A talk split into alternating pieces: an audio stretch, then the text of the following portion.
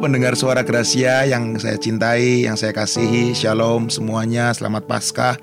Hari ini saya ingin menyampaikan kabar baik tentang pesan dari Paskah sendiri dari firman Tuhan. Biarlah apa yang saya pesankan hari ini, apa yang saya sharingkan hari ini menjadi kekuatan buat setiap kita untuk menyambut kasih Paskah buat kita semuanya. Pertama-tama, mari kita akan berdoa dahulu saudara, sebelum kita akan masuk dalam firman Tuhan. Biar anugerah Tuhan, biar kasih setia Tuhan meliputi setiap kita semua. Mari kita berdoa. Tuhan Yesus kami ucap syukur buat hari ini Tuhan. Kalau hari ini kami boleh menyambut Paskah Tuhan. Kami percaya inilah hari kemenangan buat setiap kami umatmu Tuhan. Dan kami mau mengingat Tuhan, merayakan kasihmu, anugerahmu dalam hidup setiap kami. Terima kasih Tuhan, biarlah wahyu, pengertian, hikmat yang dari surga turun buat setiap kami. Hanya di dalam nama Tuhan Yesus Kristus. Amin. Saudara, kita akan buka dari Matius 28 ayat 1 sampai 8. Saya bacakan buat saudara. Setelah hari sabat lewat, menjelang menyingsingnya fajar pada hari pertama minggu itu, pergilah Maria Magdalena dan Maria yang lain menengok kubur itu. Maka terjadilah gempa bumi yang hebat, sebab malaikat Tuhan turun dari langit dan datang ke batu itu dan menggulingkan lalu duduk di atasnya. Wajahnya bagaikan kilat dan pakaiannya putih bagaikan salju. Dan penjaga-penjaga itu gentar, ketakutan, dan menjadi seperti orang-orang mati. Akan tetapi malaikat itu berkata kepada perempuan-perempuan itu, Janganlah kamu takut, sebab aku tahu kamu mencari Yesus yang disalibkan itu Ayat 6 berkata, ia tidak ada di sini, sebab ia telah bangkit sama seperti yang telah dikatakannya. Mari, lihatlah tempat ia berbaring. Dan segeralah pergi dan katakanlah kepada murid-muridnya, bahwa ia telah bangkit dari antara orang mati. Ia mendahului kamu ke Galilea, di sana kamu akan melihat dia. Sesungguhnya aku telah mengatakannya kepadamu. Ayat 8, mereka segera pergi dari kubur itu dengan takut dan dengan sukacita yang besar dan berlari cepat-cepat untuk memberitahukannya kepada murid-murid Yesus. Hari ini saya mau menceritakan ayat tadi yang di atas yang kita baca. Kita bisa melihat saudara, murid-murid Yesus dan Maria Magdalena. Mereka berada di dalam suatu ketidakpastian selama beberapa waktu sesaat setelah Yesus wafat. Berbagai pertanyaan mungkin muncul apakah benar, apakah betul Yesus akan bangkit pada hari ketiga. Dan kita bisa melihat, kalau kita melihat janji Tuhan, kita biasanya kita, ya, kita mengatakan ya dan amin. Tapi ini janji yang belum menjadi kenyataan, saudara. Kebangkitan dari kematian bukan hal yang lumrah, saudara. Kelahiran dan kematian mungkin istilahnya adalah hal yang biasa. Tapi kebangkitan dari kematian itu adalah hal yang luar biasa dan mungkin mereka pernah mendengar ketika Lazarus dibangkitkan. Tapi mereka sering kali bangkit dari kematian bukan hal yang umum saudara. Padahal pada waktu Yesus uh, sebelumnya Yesus di Matius 16 ayat 21 berkata, Sejak waktu itu Yesus mulai menyatakan kepada murid-muridnya bahwa ia harus pergi ke Yerusalem dan menanggung banyak penderitaan dari pihak-pihak tua-tua. Imam-imam, kepala, dan ahli-ahli Taurat lalu dibunuh dan di situ digaris bawahi dan dibangkitkan pada hari yang ketiga. Kita orang umum bisa saja mengatakan juru selamat datang dari surga.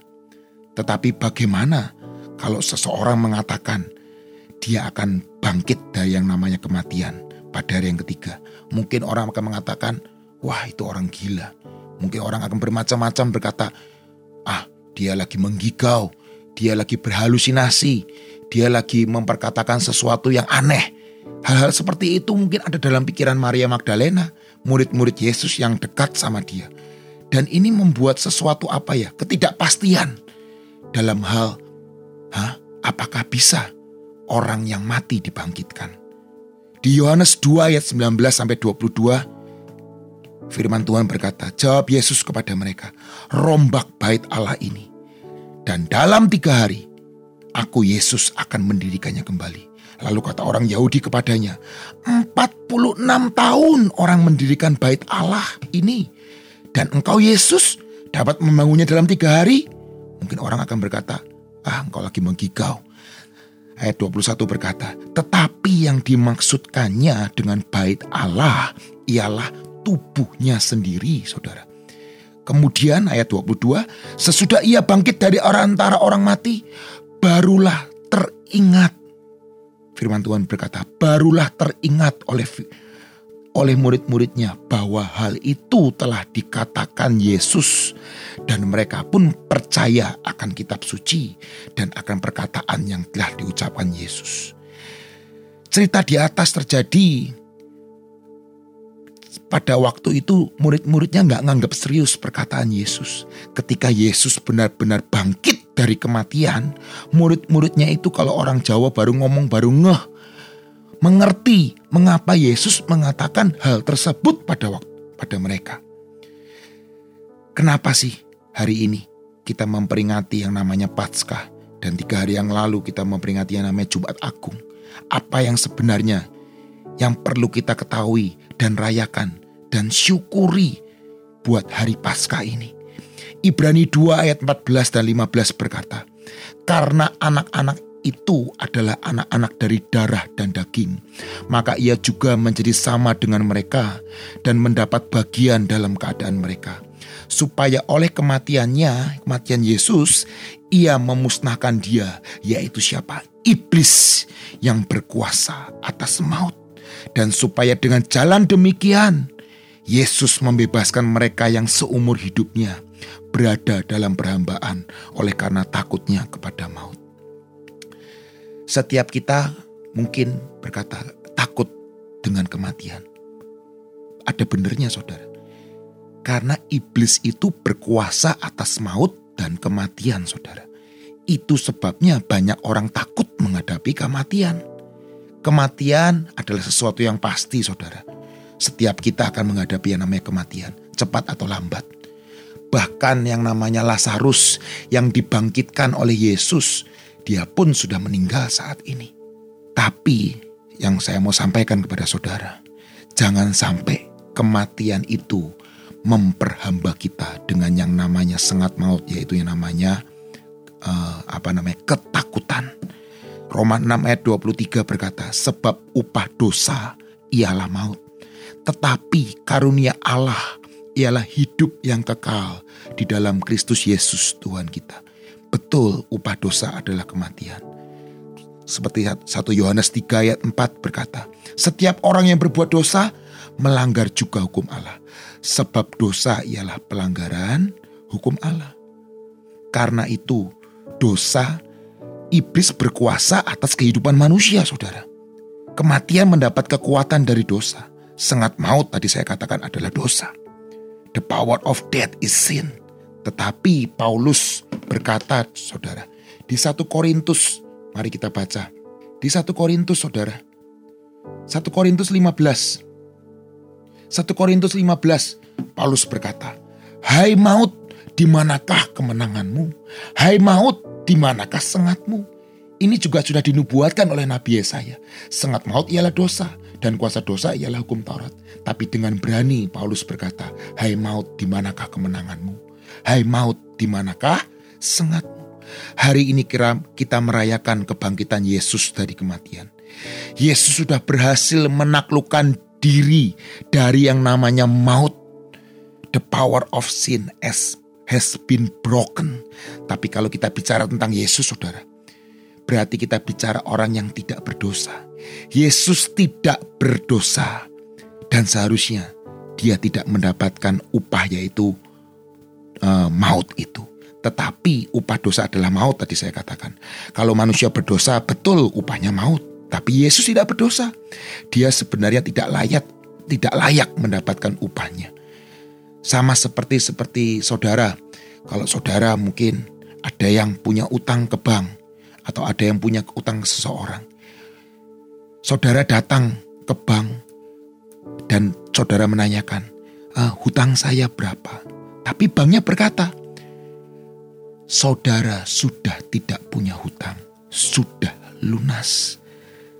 Mungkin saudara akan berkata, wah saya berbahagia sekali hari ini. Mungkin saudara akan ber, berkata kepada teman-teman, saya akan melunaskan semua orang-orang yang punya hutang sama saya. Artinya apa saudara? Mungkin ada orang salah sama saudara. Ada orang yang menyakitkan hati saudara. Maukah saudara memaafkan? Karena Yesus sudah melunaskan utang kita. Apa yang sudah menjadi upah yaitu upah uh, kematian itu sudah Tuhan uh, bikin lunas semuanya. Kita harus membayar hutang dosa, tapi Yesus datang dan membuat dirinya jadi berdosa, menanggung dosa kita. Kita harus bersuka cita karena ada yang membayar hutang kita. Di 2 Korintus 5 ayat 21 berkata, dia yang tidak mengenal dosa telah dibuatnya menjadi dosa karena kita, supaya di dalam dia kita dibenarkan oleh Allah. 1 Petrus 2 ayat 24 berkata, Ia sendiri telah memikul dosa kita di dalam tubuhnya di kayu salib, supaya kita yang telah mati terhadap dosa, hidup untuk kebenaran. Hidup untuk kebenaran. Oleh bilur-bilurnya kamu telah sembuh. Saya akan bacakan lagi, Bos Saudara. Roma 6 ayat 5 dan 11 sampai 11. Sebab jika kita telah menjadi satu dengan apa yang sama dengan kematiannya, kita juga akan menjadi satu dengan apa yang yang sama dengan kebangkitannya. Jelas saudara, firman Tuhan berkata, karena kita tahu bahwa manusia lama kita telah turut disalibkan supaya tubuh dosa kita ini hilang kuasanya, agar jangan kita memperhambakan diri lagi kepada dosa. Sebab siapa yang telah mati, ia telah bebas dari dosa. Sebab jika kita telah mati dengan Kristus, kita percaya bahwa kita akan hidup juga dengan dia. Karena kita tahu bahwa Kristus sesudah ia bangkit dari antara orang mati, tidak mati lagi. Maut tidak berkuasa lagi atas dia. Sebab kematiannya adalah kematian terhadap dosa. Satu kali dan untuk selama-lamanya. Dan kehidupannya adalah kehidupan bagi Allah.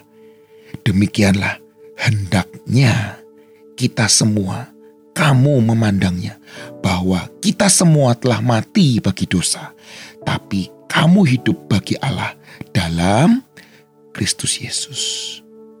Saya akan memberikan suatu perumpamaan. Pernah saudara, kita pernah makan di restoran mungkin, dan kita ketemu sahabat kita. Dan sahabat itu berkata kepada kita, pamitan, sahabat itu berkata, sudah ya, semuanya sudah dibayarin semuanya ya. Jadi kamu tinggal makan aja, kamu tinggal bersuka cita, semua makanan dan minuman ini sudah saya bayar. Pernah mungkin saudara mengalami hal itu? Saya pernah saudara. Sama halnya, semua dosa kita sudah dibayar Tuhan di atas kayu salib. Tetapi ketika kita mau meninggalkan restoran itu, eh temu-temu saudara, ada waiters yang nagih ke kita. Apa yang harus kita perbuat? Kita harus klarifikasi kan. Kita harus mengatakan, tadi teman saya yang tadi itu sudah bayarin loh. Jadi seharusnya restoran tidak berhak menagih lagi. Kadang-kadang dalam kehidupan kita ini, iblis mencoba membuat kita ini guilty feeling, membuat kita ini merasa bersalah. Nagih lagi, tadi belum dibayar loh. Kamu tadi makan minum belum bayar ini. Padahal tadi sudah dibayarin sama sahabat kita. Padahal Yesus bilang bahwa apa yang dia lakukan di atas kayu salib adalah sekali untuk selama-lamanya. Seringkali dalam kehidupan kita, kita sering kali dituduh, dihakimi oleh iblis. Kamu belum, kamu tuh lihat, kamu ngelakuin seperti ini, ngelakuin seperti itu kamu berdosa, kamu gak berhak atas keselamatan itu. Tapi hari ini, ini hari Paskah, Yesus sudah menang atas maut. Yesus sudah menang atas yang namanya kematian. Di Yohanes 15 ayat 13 sampai 14 berkata, tidak ada kasih yang lebih besar daripada kasih seorang yang memberikan nyawanya untuk sahabat-sahabatnya. Dan Yesus sendiri berkata dalam firman Tuhan, ayat 14, kamu adalah sahabatku jika kamu berbuat apa yang kuperintahkan kepadamu. Paskah adalah di mana kita merayakan kebebasan dari maut. Kita orang berdosa, tapi Yesus sudah mati dan dibangkitkan untuk hidup kita. Mari di hari Paskah ini kita bangkit. Shine light star. Kita bersinar terang untuk kerajaan surga di tengah-tengah kegelapan dunia ini. Mari kita jadi terang buat Kristus. Dan biar hari ini Hari Paskah adalah hari kemenangan buat setiap kita, umat yang dikasihinya. Buat pendengar suara Gracia, buat di mana pun Anda berada, mari kita merayakan Paskah ini dengan sukacita karena maut sudah dikalahkan. Yesus sudah bangkit dari kematian dan kita sebagai orang-orang yang dibenarkan dibangkitkan bersama-sama dengan Yesus Kristus Tuhan kita. Amin. Oke, saudara, mari kita akan berdoa tuh. Kita akan tutup firman Tuhan hari ini. Dan biarlah hari ini menjadi hari kemenangan buat setiap kita. Terima kasih Tuhan Yesus buat hari yang kau berikan buat dalam hidup kami. Inilah hari kemenangan buat kami. Kami merayakan kebebasan dari kematian. Kami merayakan kebebasan dari maut. Dan kami percaya Tuhan. Anugerah Tuhan, kebaikan Tuhan, kasih setia Tuhan, kebangkitanmu menjadi modal dalam hidup setiap kami dalam menghadapi apa pun dalam kehidupan kami, dalam gelombang kehidupan, dalam badai kehidupan, kami mengingat Engkau sudah menang dan sudah bangkit buat hidup kami. Terima kasih Tuhan Yesus. Kami percaya hanya di dalam nama Tuhan Yesus Kristus. Amin.